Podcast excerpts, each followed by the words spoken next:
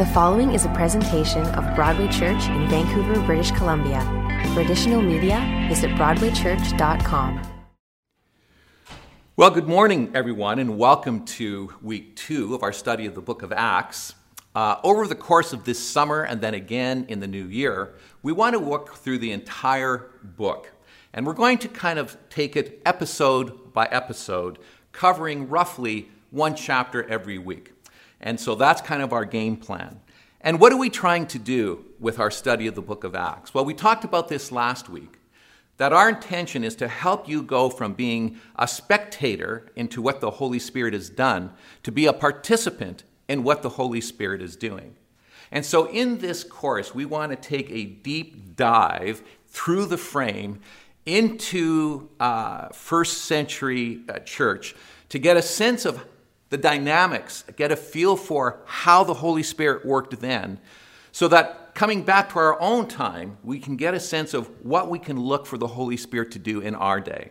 And so, this is our story. The book of Acts is the beginning of the Christian church of which we are a part. And we are kind of studying this so that we can really appreciate not just what God did to get the church started, but how He wants to work in, in through us to continue uh, the Christian mission. Now, last week, um, I gave you kind of a, a, sheet that looked like this. It's kind of a structure of the book of Acts. It's going to be kind of our roadmap to the book as we kind of move through uh, the narrative that Luke has provided us with. And uh, today and next week, we are going to be looking at the introductory part, verses 1 1 to uh, 241, which is really kind of the setup for the mission to the Jewish world. And then uh, about halfway through, we kind of transition into the mission to the Gentile world. So that's kind of where we are. That's where we are today. And so we're starting right off the beginning uh, in Acts 1. And if you have your Bible, you can turn to it um, or look up on your phone. Uh, you may find a Bible on your table, but in any case, feel free to kind of follow along as we get into Acts chapter 1. And so, Acts chapter 1 is really the overlap chapter between Luke 24 and what Luke is going to talk about in this new book. Uh, I'm calling it the beginning of the mission if you're following along on your outline. It's the preparation for Pentecost. It's everything that took place from you know, when Jesus rose from the dead until he ascends to be with his Father and what comes in the aftermath. And so, chapter one of Acts is kind of an introduction to the long term mission of the church. And here Luke gives a recap to get started of the 40 days following the resurrection, where Jesus prepared the disciples for the mission ahead.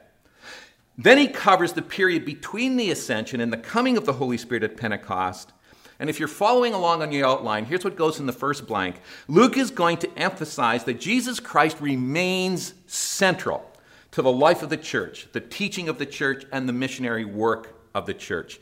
That is going to be the point that he wants to establish above all. And so here's how the book begins. Luke writes, In my former book, Theophilus, and again, we don't know who Theophilus was. Uh, but he wrote with him in mind to give him an accurate account of what took place in the early church. He says, In my former book, Theophilus, I wrote about all that Jesus began to do and teach until the day he was taken up into heaven, after giving instructions through the Holy Spirit to the apostles who he had chosen. In his gospel, Luke records what Jesus Christ began to do and teach after his resurrection. And the implication here is that that was the beginning of Jesus' ministry. What would happen in the book of Acts will be the continuation of Jesus' ministry. His use of all doesn't mean absolutely every detail of Jesus' ministry, but he wants to include those things that encapsulize his core message. And so that's where he begins. In anticipation of that ongoing ministry, Jesus, through the Spirit, gave instructions to the disciples that he had chosen. And so the Holy Spirit was present in enabling the disciples to understand and to follow through on Jesus' instruction. Luke kind of dismisses this with just a few verses here at the beginning of Acts, but we know from the Gospels that there was a lot of activity that took place in the 40 days after Jesus Christ rose from the dead. And so during that period of time, it was Jesus' opportunity to help the apostles connect the dots between what they had understood about what God had intended in terms of his redemptive plan and how the world now is different as God's new covenant people. The word order is a little awkward here, but what Luke wants to show us is that Jesus gave the apostles a mandate to witness, a mandate that would be enabled by the Holy Spirit who is going to come has a consequence of Jesus going. So if you're filling in your blank, the whole idea is that the coming of the Holy Spirit was a consequences of Jesus going to be with his Father. Now, the word apostles appears here for the very first time in the book of Acts, and it refers to somebody who is commissioned and sent with news. An apostle is kind of like an emissary who represents the one who sent him and acts in the best interest of the one who has sent them. And in Acts, it's used to describe the 12. It's also applied to Paul and Barnabas a little bit later. Jesus' ascension to God's throne concludes his earthly ministry and inaugurates his new covenant ministry to be carried out, this is what goes in the blank, by the apostles. And so we go into that next section in verse 3 after uh, Luke has introduced what is about to happen, and we read these words. After his suffering, he presented himself to them and gave them many convincing proofs that he was alive. He appeared to them over a period of 40 days. Only uh, Luke, uh, the book of Acts, kind of records the 40 days. Over 40 days where he spoke about the kingdom of God. On one occasion, he was eating with them. He gave them this command do not leave Jerusalem, but wait for the gift my Father has promised, which you have heard me speak about. For John baptized with water, but in a few days you will be baptized with the Holy Spirit. And so Luke recounts here that Jesus, after his resurrection, appeared to his disciples for 40 days, helping them to connect the dots. The kingdom of God was the subject of his teaching, it appears six times in the book of Acts, two times here at the beginning and two times at the end. And the notion is that the kingdom of God refers to the spiritual rule of God that transforms lives and cultures through the Holy Spirit, not an earthly or a military kingdom, as many people had thought.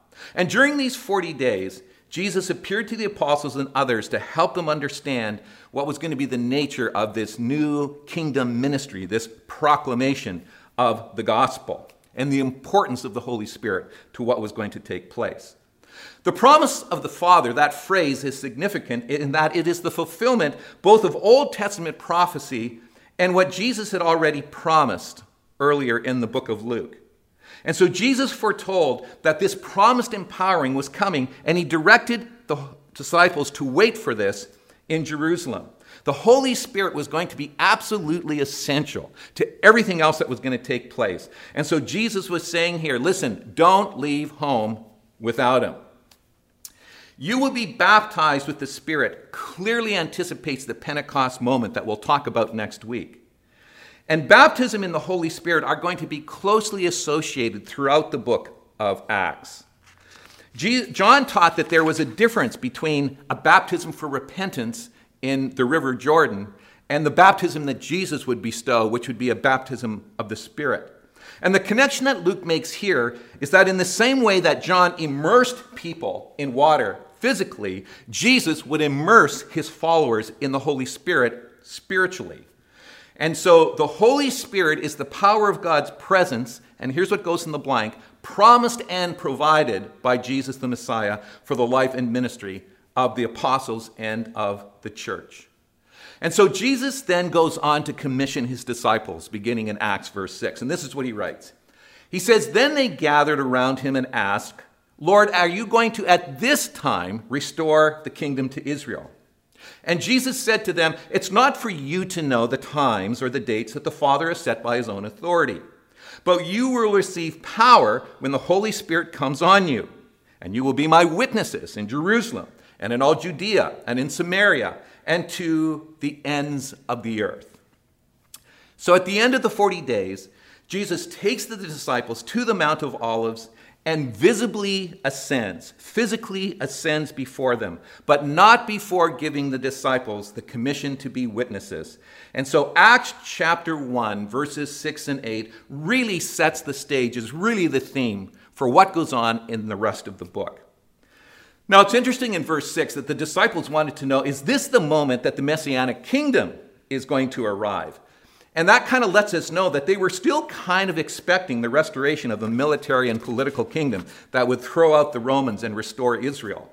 All of this talk of the new kingdom and of the Holy Spirit had kind of fired up their imagination, but they still had in mind a political theocracy after the Old Testament pattern. And so they were still holding on to some of those old nationalistic hopes. But Jesus tells them in verse 7 that God the Father is sovereign over all of the events of history, and it was time to revise their thinking and get in step with God's new redemptive program. Their task, if you're following along in your outline, their task will not be speculation, but it will be proclamation. It won't be speculation, it will be proclamation. And so Jesus answers their question really by giving them a job to do. He gives them a commission. And what Jesus says here is going to be the thrust of all uh, that Luke has to say in this book. Jesus explains to his disciples that they would participate in an entirely new kind of kingdom that would empower and conquer not by might, but, this is what goes in the blank, by the Spirit, not by military conquest, but by the spreading of the good news of the gospel. That was going to be their commission.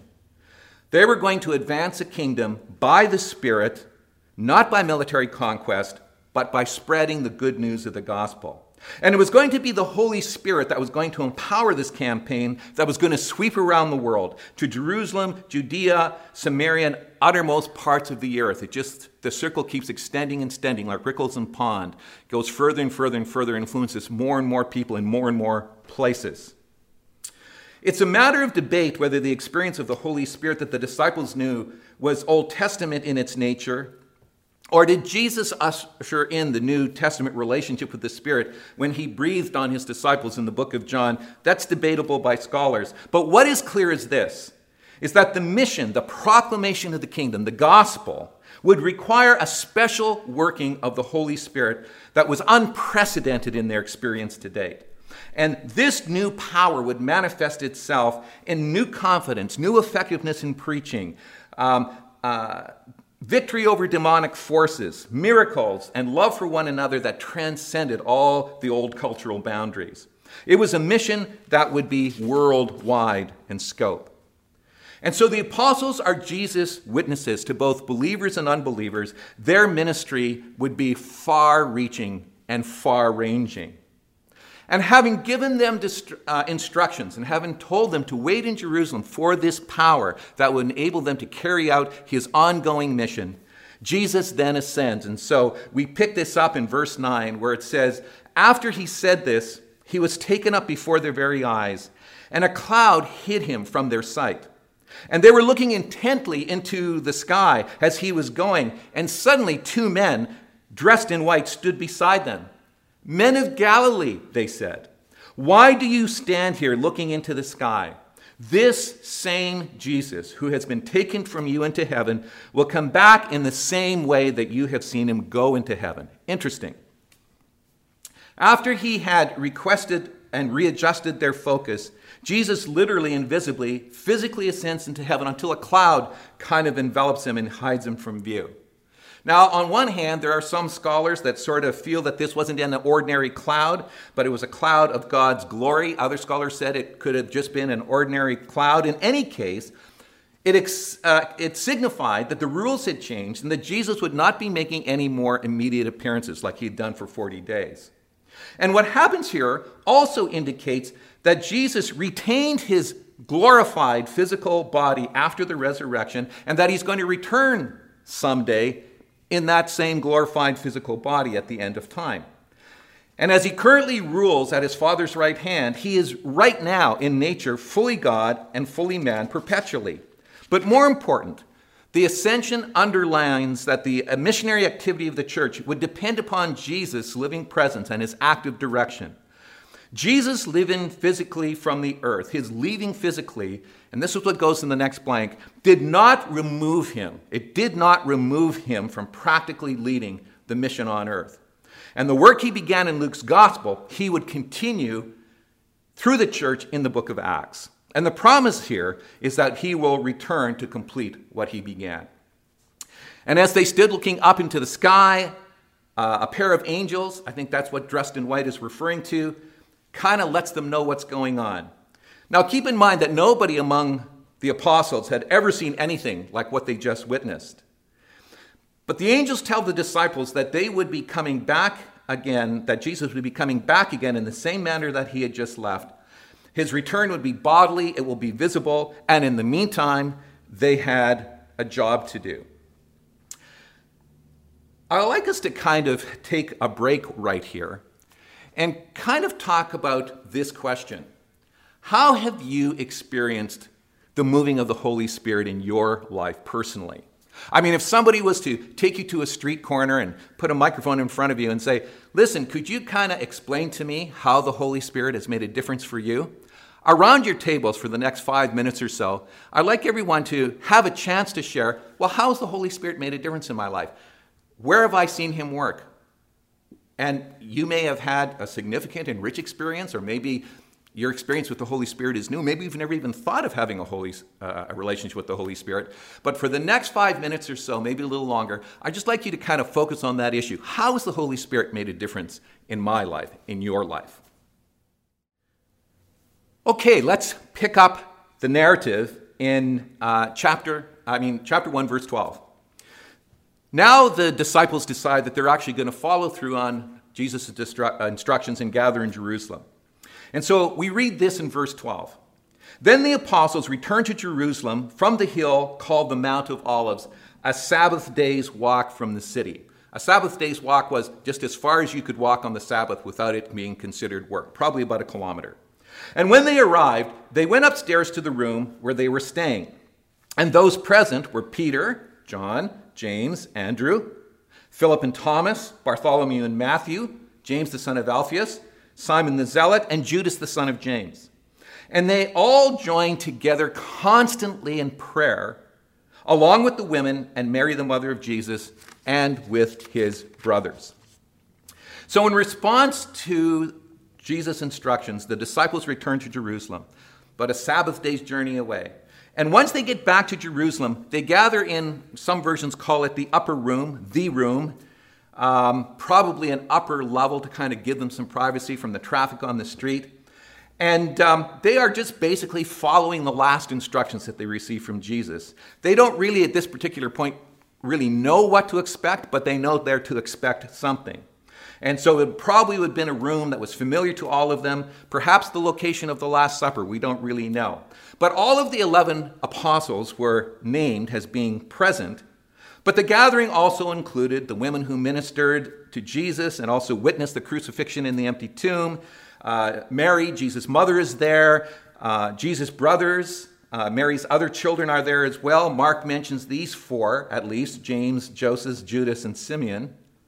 And they met together and were united in prayer and were awaiting the promise of the Father as Jesus directed them to do.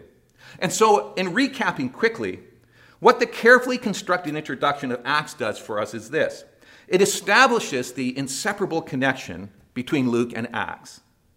It also reminds us as readers that the suffering, death, and ascension of Jesus is significant for the ministry of the apostles, the life of the church, and the spread of the gospel. This introduction emphasizes that the central role of the Holy Spirit is going to be absolutely critical to what the church is going to be and what the church is going to do. It underlines the apostles' call to be witnesses called by Jesus and empowered by his Spirit. And it also sets out the geographical scope of the church's ministry and influence. It establishes the span of ministry that would extend from Jesus' ascension until his return. And finally, it identifies the fellowship of Jesus' followers as the 11, soon to be 12, and others, Jesus' earthly families and women, that was the initial group, the 120, that eventually we'll catch up with in um, the upper room again in the first part of Acts chapter 2. There's kind of a transition now when we kind of move into another phase. They've gathered together in Jerusalem, they've gathered together into prayer, they're waiting for the promise of the Father, what Jesus had promised to come to pass. And in the meantime, they have to deal with a very practical issue that uh, comes up, and Peter is the one who draws their attention to it. So, the big idea in this next session is that the identity of the church as the people of God is tied to the 12 has the symbolic representatives of a restored Israel and God's restored kingdom. Keep this in mind. The mission of this new covenant community was witness to the life, death, and resurrection of Jesus Christ as their Lord and Savior, but there was a continuity between the work that God began after the fall and what is going to take place now in the book of Acts. And so, in this next section, uh, with Peter's guidance and direction and everybody's cooperation, they replace the missing apostle. And so, in verse 16, we pick up the story in those days, Peter, who increasingly became the spokesman, especially for these first next few uh, chapters of the book of Acts, Peter stood up among the believers, a group numbering about 120, and he said, Brothers and sisters, the scripture had to be fulfilled in which the Holy Spirit spoke long ago through David concerning Judas, who served as a guide for those who arrested him. He was one of our number, and he shared our ministry.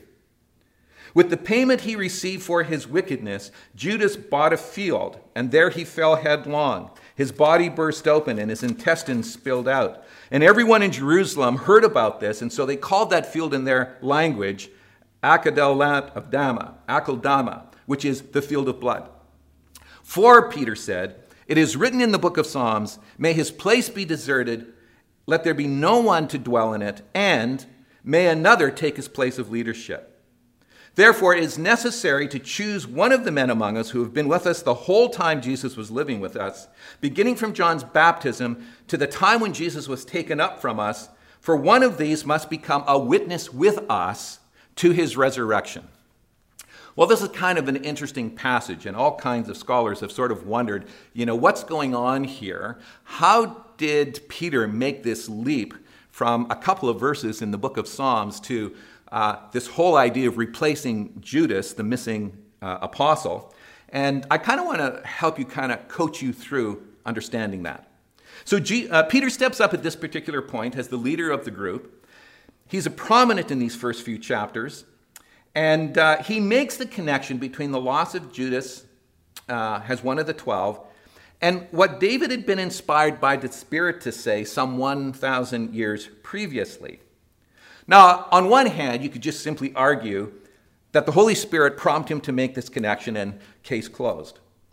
But Peter may have actually been more involved in that. He might have been applying the Old Testament to false companions or wicked men in general, and specifically to Judas. In any case, this connection comes as a result of the prayerful attention of those gathered to wait on God. And so Peter acknowledges that Judas had a full participation in the ministry of the 12 under Jesus' supervision. He was involved when people were being healed, he was involved when demons were being um, thrown out, he was involved when people were raised from the dead, he was involved. Uh, in the boat where Jesus calmed the storm. Judas had a full participation in the ministry of the 12 apostles. He was one of them. Now, the direction that he took uh, under the influence of the devil is absolutely um, heartbreaking. But the fact is, Peter says, listen, he was one of us, he was one of the 12. Uh, he needs to have his place filled. Now, there are some people who would use this next text to argue for contradictions in the Bible. Uh, so uh, we know that the authorities purchased this field with the blood money they gave to Jesus for betraying Jesus. Uh, this was money that he later returned and filled with remorse. And so they bought the field in, Jesus, uh, in Judas's name with the money that was his. Uh, sometimes there's a discrepancy over, you know, did Judas buy the field or did the um, leaders buy the field and they sort of set that up as a contradiction. Actually, it doesn't have to be a contradiction. The leaders bought the field with the money that they gave to Judas and Judas gave back to them, so they kind of bought it in his name. Secondly, the Gospels indicates both that Judas hanged himself but here,